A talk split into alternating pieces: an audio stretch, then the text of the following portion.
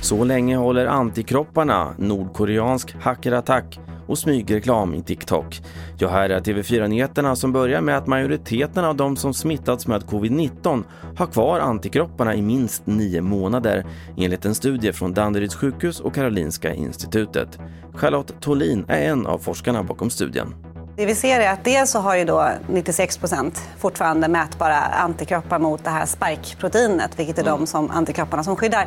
Men, men framförallt så ser vi också, vi har screenat den här gruppen genom att testa dem en gång i veckan och titta efter virusets arvsmassa i, i näsa och svalg och saliv.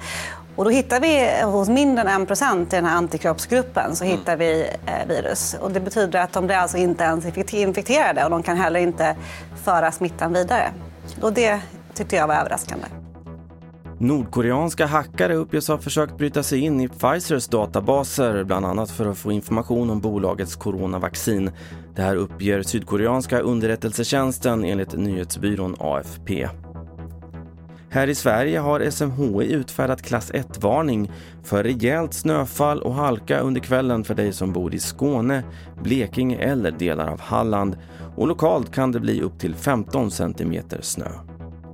Och vi avslutar med att organisationen Sveriges konsumenter tycker att appen TikTok borde granskas av myndigheterna.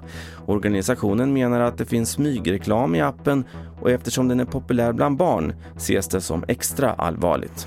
Barn som, som är inne på TikTok kanske tror att de faktiskt kollar på ett vanligt roligt klipp. I själva verket så handlar det här om marknadsföring som är skapt för att lura dem.